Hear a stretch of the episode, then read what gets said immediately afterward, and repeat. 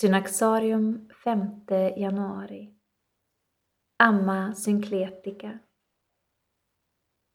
Bland de många kristna som under 300-talet sökte sig ut i den egyptiska öknen för att förverkliga ett liv i radikal trohet mot evangeliet fanns en rad kvinnor som slöt sig samman i små eremitliknande gemenskaper.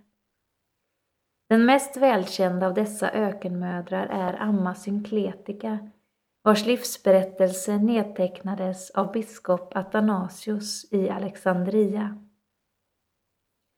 Synkletika var född i en välbärgad familj i Alexandria med grekisk bakgrund.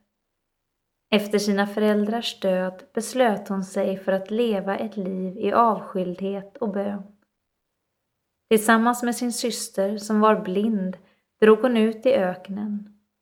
Med tiden spreds ryktet om synkletika, och många unga kvinnor sökte sig till henne för att få vägledning i det monastiska livets grunder. Till en början intog hon en avvisande hållning till den som sökte upp henne, men när hon så småningom övervann tveksamheten kom hon att tillsammans med dessa kvinnor gestalta en livsform som liknade det så kallade kenobitiska klosterlivet, där betydelsen av ett liv i gemenskap framhålls.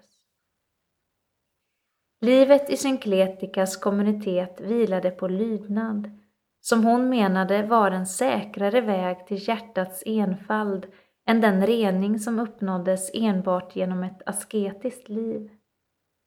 Genom att följa Jesu exempel, mild och ödmjuk i hjärtat, ledde hon många av sina lärjungar till den djupa glädje som väntar när kärleken blir sådan att man gärna tömmer sig på allt eget.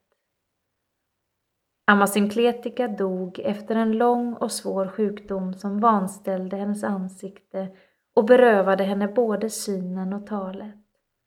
Men det kunde inte hindra denna ökenmoder från att förbli ett levande vittne om evangeliet ända fram till sin död.